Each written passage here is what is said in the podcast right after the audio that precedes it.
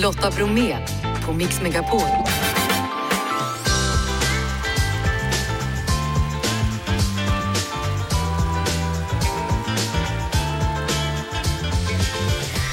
Hallå där och varmt välkomna till oss. Det säger jag till Janne, jag säger det till Jeff och jag säger det till Jeanette och till dig du som har hittat hit. Hoppas att sommaren har varit till belåtenhet, eller fortfarande är till belåtenhet.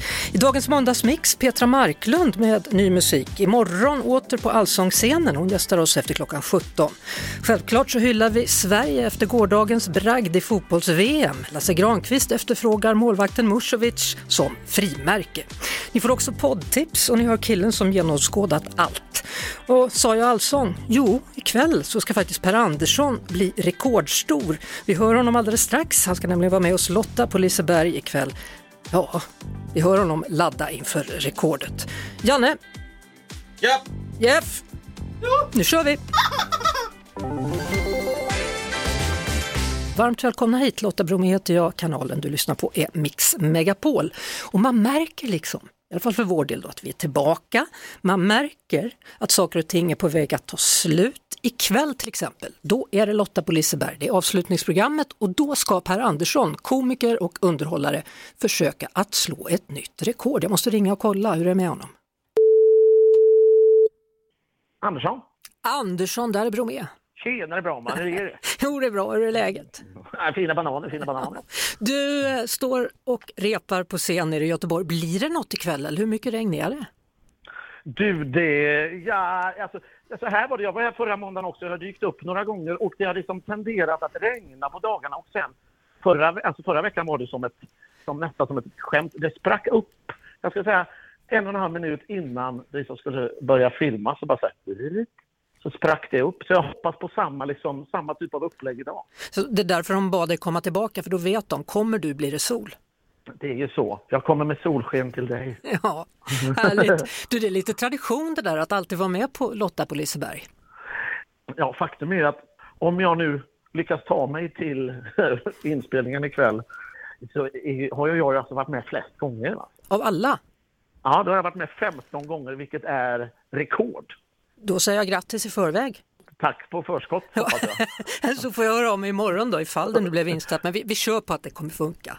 Ja, precis. Du- Man vet ju inte. Nej. Eh, Det är Charlotte Perrellis gamla rekord som kanske ligger med någon, hon kanske har förberett något, jag vet inte om hon du vet, fäller mig i trappan eller hon kanske dyker upp i rummet under soffan eller någonting. Men jag ska försöka hålla mig till inspelningen. Ja, du, eh, vad kommer du bjuda på ikväll förresten? Det blir ehm, jag och Måns Zelmerlöw ska ju ut på julturné. Mm. eh, Som heter Tomten och bocken och vi har faktiskt skrivit en enkom till kvällens eh, inspelning har vi skrivit en helt ny låt om en sommarlåt eh, och eh, om, också lite om Tomten och bocken kan man säga. Ja, Tomten och bocken rider igen, premiär 25 november i Nyköping då. Yes sirree. Men det var väl bra att det inte blev någon jullåt, det hade känts lite tidigt eller? Nej, jag, jag säger inget. Då blir det väl en blandning då som vanligt. S- Sen ska du tydligen göra eh, en sista, absolut sista föreställning då av Räkhäst den 9 november.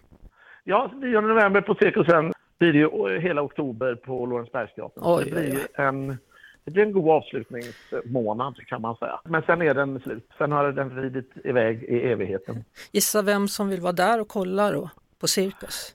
Ja men gud! Det Äntligen. vi försöka, ja det blir ju mums. Vilken trevnad, vad glad jag blir. Vad bra, men då ses vi där då. Och så har du så kul ikväll nu då och jag hoppas att du slår rekordet Per. Du, jag är oerhört nervös. Jag går ju runt och kallar mig för Sara Sjöström här, så det, det känns väldigt bra. Ja, det är bra. Sköt om dig Per Andersson. Podplay. Ja, hörni, det är ju säsongens första måndag och då är det dags för ett poddtips från Podplay. Och med mig nu Flora Wiström från podden Röda rummet. Välkommen hit! Tack så mycket.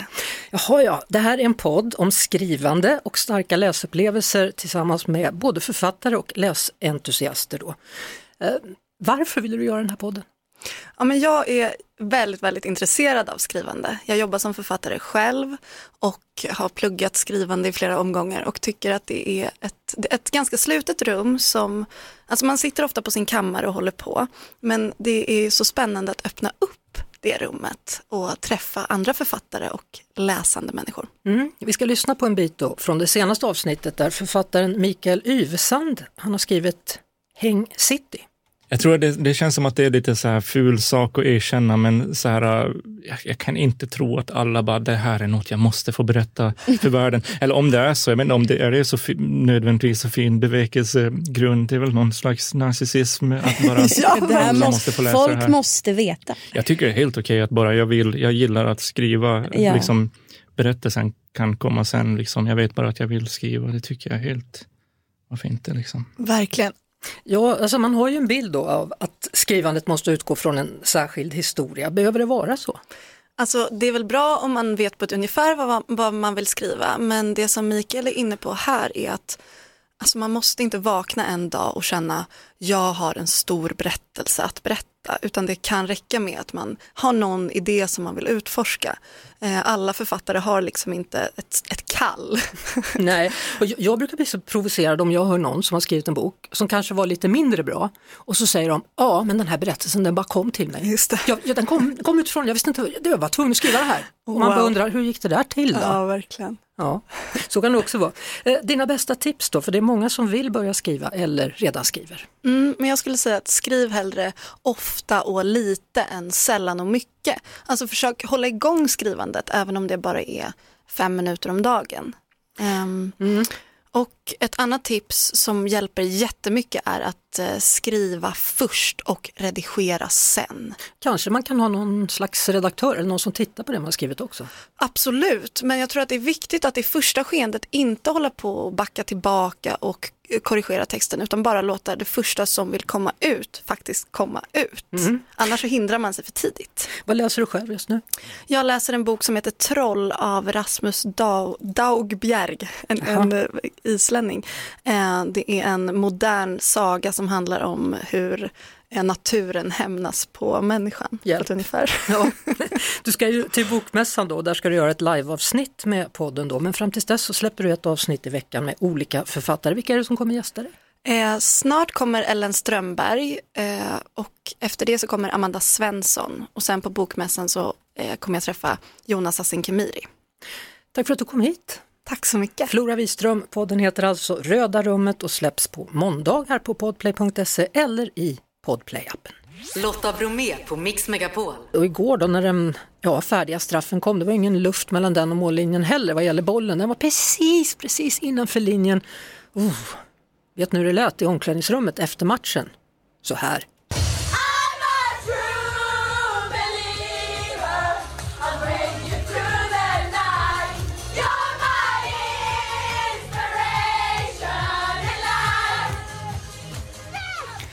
Så lät det i det svenska omklädningsrummet efter bragden mot USA igår alltså. De trodde på det och de gjorde det. De slog ut USA som aldrig har lämnat ett VM utan medalj. Och det gick till straffar. Hur spännande var det? Hur spännande som helst. Lina Hurtig, hon satte till slut den vinnande straffen efter att en amerikanska skjutit i stolpen. Är det dags? Ja, det är stolpen! Stolpen ifrån O'Hara! Det säger hela Sverige just nu.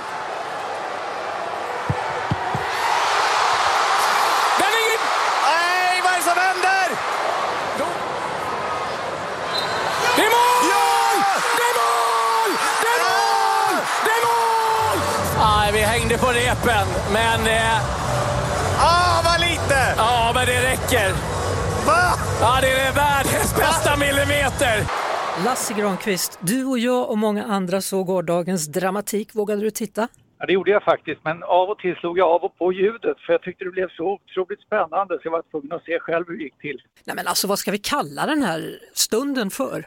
Jag tror att det är det mest klassiska svenska straff straffavgörandet genom tiderna. Vid sidan av Ravelli straffräddning, eh, straffarna i solen och alltihopa det här mellan Rumänien och Sverige från 1994. Men det här är ju, dels är det här en straffomgång till, det går till sjunde omgången och sen är det ju på det här 20 sekunders väntan på om bollen var inne eller inte när man var tvungen att titta på bilderna. Och, och när man tittar på bilderna så handlar det om millimeter nästan? Ja, det handlar om hår från en skalle det här, det vill säga det är jag som har bidragit. Det är inte mer som skiljer. Det kan faktiskt inte vara tätare än så här. Vi brukar låta säga små marginaler mm. i eh, idrottssammanhang sammanhang. Det kan vi sluta med. Vi visar den här Lina Hurtig-straffen så vet alla vad vi pratar om. Och sen har vi då den fantastiska målvakten Sechira Musovic som är själva anledningen till att vi överhuvudtaget hamnade i en straffläggning skulle jag säga. En magisk match, en magisk match. Och hon gör ju alltså, titta på bilderna en gång till över sammanfattningen i matchen. Hon gör ju ett par, tre räddningar i ordinarie speltid och förlängning som är direkt matchavgörande för att Sverige är med. Så det är inte fel att tala om att det kanske skulle bli ett frimärke likt eh, Foppas straff. Möjligtvis den här bollen, att den verkligen var inne då. Och sen någon av Mucovic eh, strålande räddningar. Hon hyllas såklart över hela världen då efter den här fantastiska matchen och så här säger hon själv. Det hela anledningen till varför jag är målvakt någonstans är för att jag, jag älskar att ge mitt lag förutsättningarna till att kunna vinna, att hålla tätt bakåt. Idag lyckas vi göra det tillsammans. Så extremt stolt, extremt, extremt stolt. Det är, det är många, många, många, många timmar som har legat bakom de här räddningarna. Så säger alltså Musovic efter denna bragdmatch och hyllas såklart över hela världen. Hon slog faktiskt Lasse nytt mästerskapsrekord i antal räddningar för en målvakt som håller nollan. 11 stycken kvalificerade räddningar. Men vi ska ju veta det att Sverige slår ut världsettan här och sett över 120 minuter fotboll så eh, hade ju ingen kunnat protestera om USA hade vunnit den här matchen. Så förklaringen till att eh, Sverige kunde hålla 0-0 den hamnar på målvaktskontot och vilket internationellt totalgenombrott för en redan, som vi visste, skicklig målvakt. Nu vet hela fotbollsvärlden det. Under det här VMet, lite mindre nationer har överraskat och spelat riktigt bra. Ja, men det är precis det som vi egentligen pratade om inför turneringen också. Spännande att se när eh, damerna för första gången får ett världsmästerskap med 32 länder. Vi ville ha ett bevis för att det här är rätt steg och det är det ju ett bevis för när mindre länder svarar för, som vi tycker, stora sensationer. Men det kanske inte är så konstigt. Damfotbollen växer och då ska ju också såklart fler få vara med på den absolut yttersta scenen som ett världsmästerskap är. Mm, nästa match för Sverige då blir ett lag som inte rankas bland de små, tycker inte jag i alla fall. Det handlar om Japan på fredag. Vad har vi för möjligheter? Nej men VM-guld 2011 för Japan, de har ju haft några år här där man haft ett frågetecken för dem.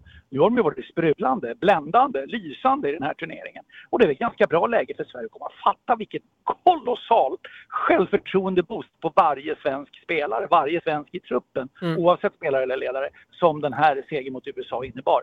Så att det blir ju en fredag förmiddag med ett långt avgörande igen kanske vi får ställa in lunchen. Ja, och även om det blir japaner, japaner, japaner så lär vi vara längre i alla fall. Ja, och tänk Lotta, Kommer du ihåg VM-finalen 1966 när Geoff Hurst hade den där bollen i underkant av ribban och ner på mållinjen, eller vad det nu var, det dömdes ju mål. Mm. Det pratar vi fortfarande om, om det var mål eller inte. Numera finns tekniken som kan säga, nej men Lina Hurtigs boll, den var ju inne. Den var definitivt inne. Stort tack Lasse Granqvist och vi hörs väl när vi närmar oss finalen. Vi hoppas jag. Välkomna tillbaka. Hej hej! Hej hej! Ah, vad lite! Ja, men det räcker. Va? Ja, det är världens bästa millimeter. Hörrni, ovädret Hans jäckar Sverige kommande dagar. SMHI de har utfärdat röda varningar i delar av landet och översvämningar är nu ett faktum. En som drabbades i förra veckan och förbereder sig nu det är Jan Mattiasson i Kungälv. Hallå där Jan! Hallå, hallå Lotta! Du råkade ju ut för en översvämning här om veckan. Då. Vad var det som hände Jan? Ja du, det var ett regnväder som kom in eh, även i förra måndagen som orsakade att vi fick in avloppsvatten i källaren. Hur kändes det? Det kändes inget vidare. Nej. Och, och, hur har det gått nu då? Har du fått den renad och rensad och klar? Eh, vi har fått den renad och rensad och klar, jajamensan. Och eh, har en eh, avfuktare som går ner i källaren som man har släppt ut från försäkringsbolaget. Du, vad, vad, är det som händer när det blir översvämning sådär? Vad är det för vatten som kommer in? Det är blandat eh, avloppsvatten och dagvatten. Jaha, så det är all möjlig skit kan man säga då? Du, det, du sa precis vad det var ja. ja. det var skönt att du slapp säga det John, det, det räcker väl att vara mitt i det tänker jag. Ja, ja du, vi, alltså... hade, vi, vi hade översvämning 2014 också samma sak men eh, då kunde man se vad det var för skit som kom. Mm -hmm. Nu har de antagligen varit dåliga i magen alla som har varit oj, ute. Oj, oj. Ja, ja, ja. Men du, det här är ju ja. intressant för det här var ju en gul varning då här om veckan. Nu är det en röd varning. Hur förbereder du dig nu då? Ja du, nu eftersom det är fotbolls-VM så har jag tagit eh, fotboll och, och fotbollar och, och lagt i eh, brunnarna, golvbrunnarna. Jaha. Och tyngde på dem. lite sådär halv, halvmjuka bollar som kan flyta ut om man tynger ner dem. Så hoppas jag att det ska funka. Du tror att det funkar alltså?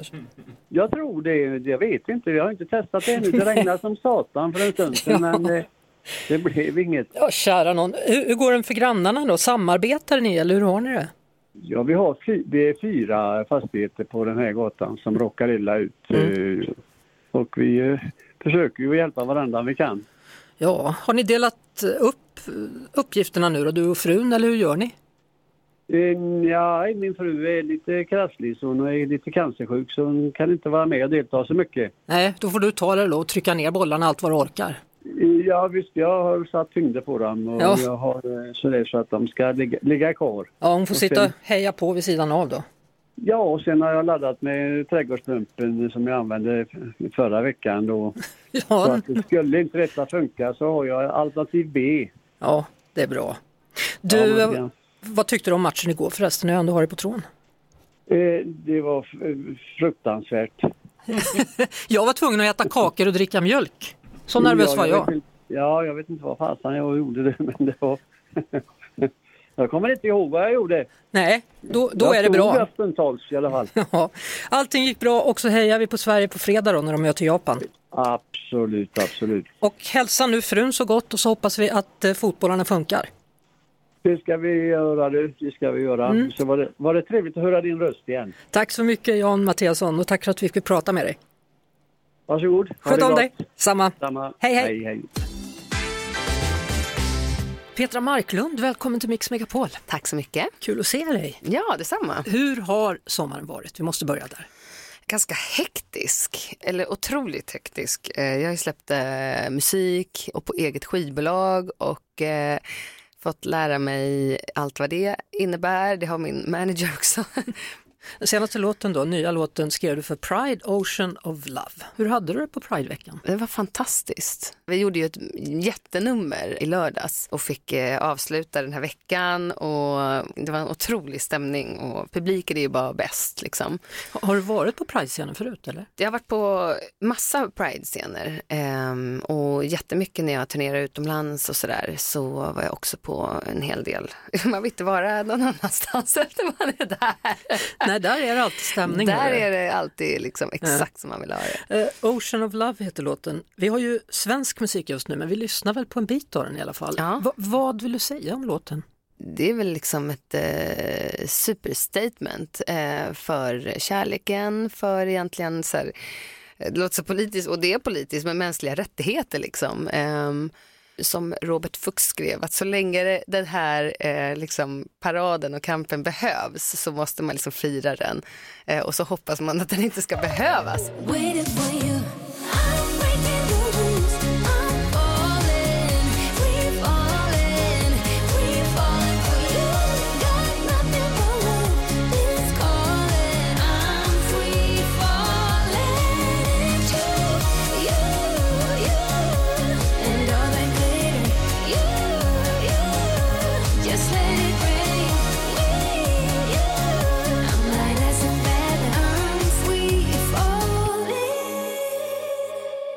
Där hade vi årets Pride-låt då, Ocean of Love. Kallar du dig nu då för September eller Petra Marklund när du gör låten på engelska? Alltså jag är Petra Marklund nu. September är eh, en artist som jag kallade mig för eh, precis eh, i början. I och med att jag firar 20 år som artist så kändes det roligt att typ lyfta upp båda. Och September kommer också alltid vara en så himla stor del. Jag har liksom formats av de tio åren. Så jag märker ju att det, liksom, september är en jättestor del mm. av mig. Jag tänker på det, nu är det ju ny musik säger du. Mm. Vad väljer du nu då? Det roliga med att vara artist är att man kan göra vad som helst. I Sverige så tycker jag att det har varit lite stramt, men kollar man på liksom, eh, en massa andra artister på andra platser, ja men Beyoncé hon har ju gjort liksom musikal och sjungit jazz och sjungit liksom klassiskt och jag har ett väldigt behov av att få vara liksom dansa skriva eh, texter men också liksom, eh, man, vill, man vill få köra och hitta olika färger av det hela. Så, helt enkelt. Ja. Du, du nämnde ju det, 20 år som artist. Eh, när du liksom i alla fall för mig gick från engelska till svenska, Så mycket bättre. Mm. vilket genombrott som artist som sjunger på svenska det blev. Mm. Och då hade jag ändå haft liksom hur många hits som helst. Jag hade breakat i England och USA men det var liksom jättesvårt att göra det på hemmaplan. Eh, och sen så kom Så mycket bättre och sen eh, vart det hysteri och helt sjukt. Det var verkligen eh, speciellt. Mm. Du, imorgon gör du comeback på Allsångsscenen. Du var ju programledare ja. där 2014 till 2015. Japp, jag har ju gjort comeback ganska många gånger på Allsångsscenen. eh, så jag eh, känner väl att eh, det är eh, Ja, det, det, blir, det blir som eh, det brukar vara. Och jag tycker det är så himla skönt att få vara eh, artist. Eh, för det är ju det jag verkligen känner i min själ, att det är ju det som är min grej. Ja, men hur var det att vara ehm, programledare då, när du var extra där? Var det svårt? Jag, jag har fått en otrolig respekt för programlederi. Tack. Eh, ja, nej men verkligen. ja. Sen är det två helt olika saker, för som artist så är det liksom, då ska man sköta hela eh, numret och Mm. Eh, ja, man har liksom en väldigt kort tid på att leverera väldigt mycket och man vill att allt ska bli väldigt bra. Eh, och, eh, men som programledare så ska man ju ha koll på liksom så otroligt många olika saker. Så det är, det är väldigt skönt att eh, komma till Allsången och bara få du vet, köra det man mm. älskar mest i hela livet. Ja, men det är väl också, vi pratade om, om Pride-scenen förut, att den är fantastisk med den publiken. Allsångspubliken är ju också glad. Allsångspubliken är ju och kärlek. otrolig. Ja, verkligen. Alltså, eh, alla, alla sådana scener och eh, publikhav älskar vi. Du har ju släppt musik lite här och då, men om jag säger så här då, att har du varit mamma nu ett hyfsat långt tag, eller? Ja, jag har varit mamma i eh, sju år. Um, har du kunnat mm. kombinera det med barnen också eller har du känt att du har tagit ett litet steg tillbaka? Jag har fått jättemycket inspiration typ att vara förälder. För att det har gett mig så himla mycket nya tankar och nya känslor liksom. Så eh, jag har faktiskt skrivit mer musik än någonsin under de här åren. Eh, sen kanske liksom den musiken har varit eh, eh den har verkligen varit så här, eh, diskbänksrealism, eh, nästan lite så här song, singer-songwriter-aktigt. Eh, Eh, vad ska man säga, lite mer liksom eh, Vardag. Vardag men också lite mer, liksom, jag tyck, tyckte att det var kul att leka med liksom, poesi, alltså inte poesi men liksom lite mer eh, kanske otydliga eh, ja, texter som kanske inte är så rätt på näsan. Liksom. Eh. Så det, det har varit otroligt eh, intressant faktiskt. Mm. Lite lugn, en del lugnare låtar också. Absolut. På senaste plattan. Ja, absolut. Uh, vi ska lyssna på en som du faktiskt har valt själv då, för den handlar just om dina barn. Ja, den handlar om vad jag önskar att mina barn ska få i framtiden. Eh, också alla andra barn ska få. Den handlar också om eh, liksom att jag tror på att alla barn och alla människor Eh, allting som lever liksom har en, en, en eh, ska ha en mening att få vara fria liksom, eh, i sin verklighet. Frimärket. Frimärket mm. med Petra Marklund. Du lyssnar på Lotta Bromé på Mix Megapol. Frimärket med Petra Marklund. Du lyssnar på Mix Megapol och jag heter Lotta Bromé. Du, hur var det att bli mamma då? Nu har du två barn här. Var det enklare andra gången? Enklare första gången? Svårt båda? Aldrig några problem? Det är eh, livets största utmaning. Eh, allt annat är, ligger i lä. Eh, Väntar du ska du se tills de blir 15 ja. eller 13? Ja, alltså jag, det är svårt att veta något man inte varit med om. Men eh, det är otroligt. Alltså man har fått, eh, jag har fått liksom, eh, verkligen eh, knoppar som brister. Alltså man har fått så här, bryta ur sitt skal 20 miljarder gånger typ och eh, hitta nya sidor av sig själv. Och det har varit jätteutmanande och eh, intressant och helt otroligt kärleksmässigt. Eh, så har det liksom höjt nivån av vad kärlek är, så, ja, såklart. Mm. Du, 20 år som artist, 10 år som September, 10 år som Petra. Hur har åren varit tycker du? Vad ska man säga? Det har verkligen, jag har varit eh, runt och testat en massa olika sätt att göra saker på. Och för mig har det varit eh, en eh, väldigt eh, berikande process mm. eh, och jag har aldrig njutit så mycket som att vara artist som, som det är nu. Idag så har man ju mycket flera verktyg och, så här, och det gör att det blir väldigt mycket roligare. Du har ganska mycket erfarenhet också, du kanske vet vad du vill? Konstnärskap handlar ju egentligen om ett sökande och att man är nyfiken på saker och ting och försöker reda ut grejer. Så jag vet liksom vad jag är på väg, eh, mycket mer tror jag. Det är väldigt skönt att ha erfarenhet. Så, så när kan vi få förvänta oss att höra mer ny musik? Fler låtar? Ännu fler låtar. Ja. Eh, nej men nu har jag precis släppt den här Ocean of Love eh, och sen så eh, ska jag in i studion eh, om en vecka. Mm -hmm. Så ska vi försöka göra klart en till låt. Blir det på kommer... engelska nu alltså?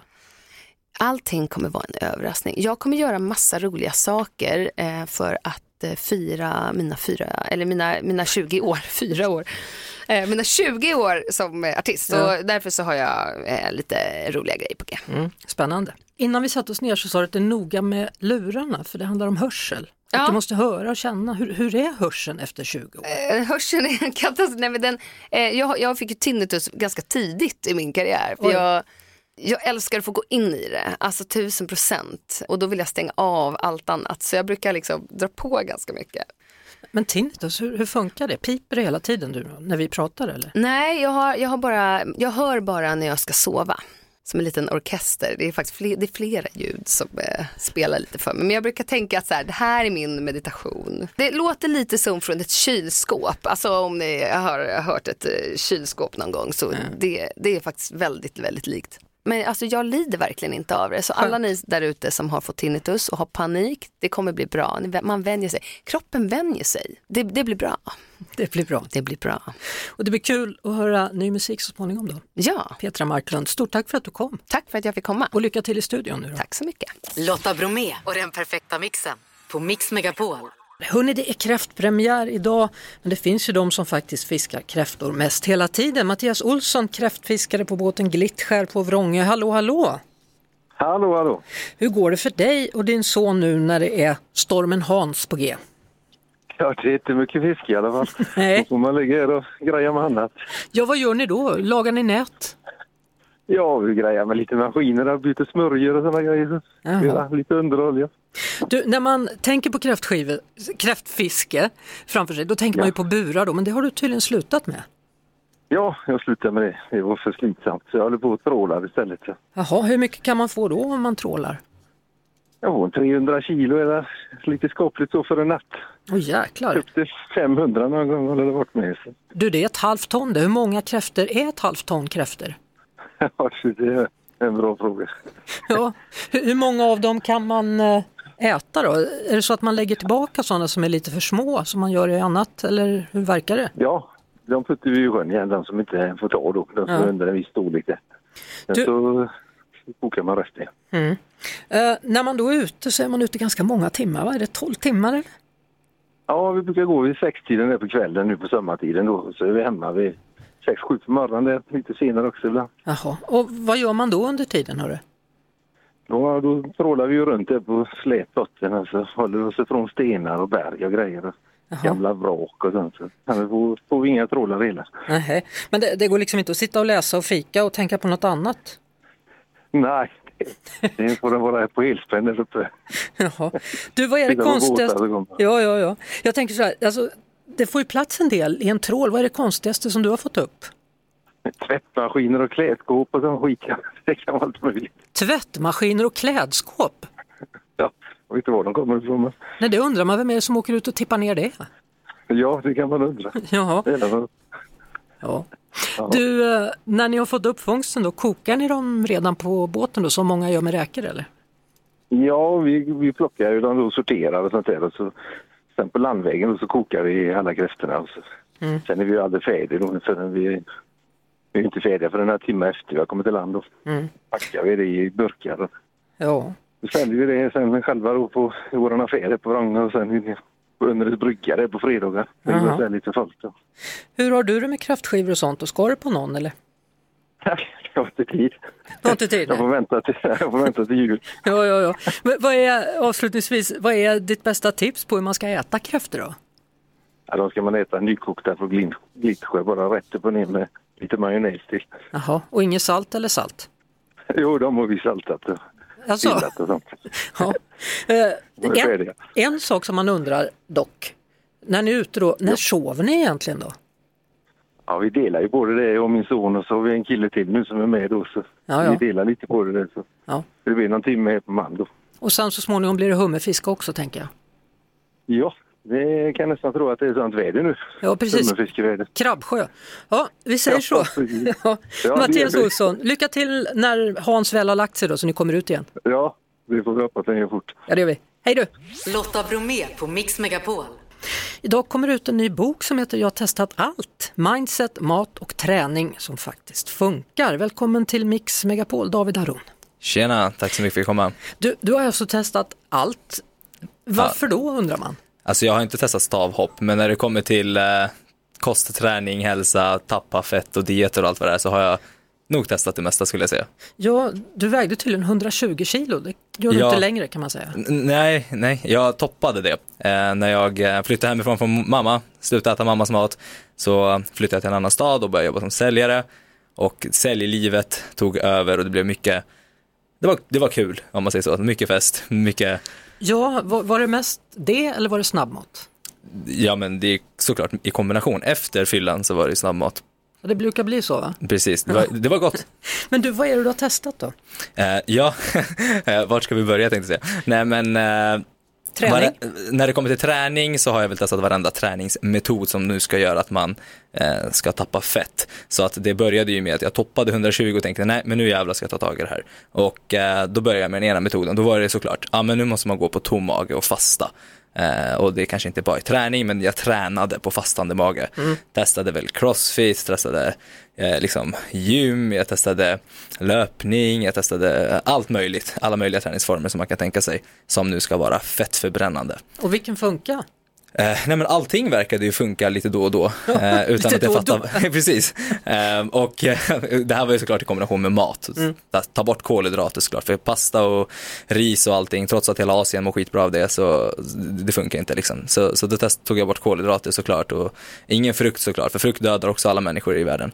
Eh, och så Glutenintolerant var jag tydligen också eh, och jag eh, tålde inte heller laktos och jag skulle äta som en stenåldersperson. Och Vem, sen så vem har sagt det här? Ja men det är det som är en bra fråga och det, det är det här som florerar runt där. Ja. Eh, nu, kan du ju inte ens andas längre utan att det, är fel också. Så vad gör du nu för tiden då? Precis, så att någonstans där under alla testningar så tänkte jag, ja men okej, eh, sen såklart är det en längre historia, jag tävlade i fitness och det var min absoluta botten där jag Jaha. eh, liksom kände att så nej men nu, nu räcker det, nu, nu får jag ta och lära mig lite grann. Så jag började läsa på lite kunskap och utbilda mig till PT och började läsa på om vad säger vetenskapen om nutrition och allt vad det är. Eh, och började inse att okej, men jag fattar ju ingenting. Eh, så att jag började liksom förstå att okej, det verkar finnas en himla massa olika metoder, eh, olika dieter, olika metoder, men vad, är, vad grundar de, de här sig i? Och blir vi alltid påsålda alla metoder som ska vara bäst och allt annat såklart sämst?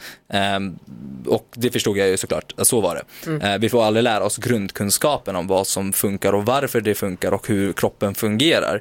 Eh, och sen så kanske man kan använda vilken metod som nu är bäst applicerat för just dig. Alltså grejen är väl det att om man tycker att det känns lätt eller att det funkar för just mig, då kan man väl ha vilken metod man vill av alla de här tio. Precis, och man kan till och med kombinera metoder också.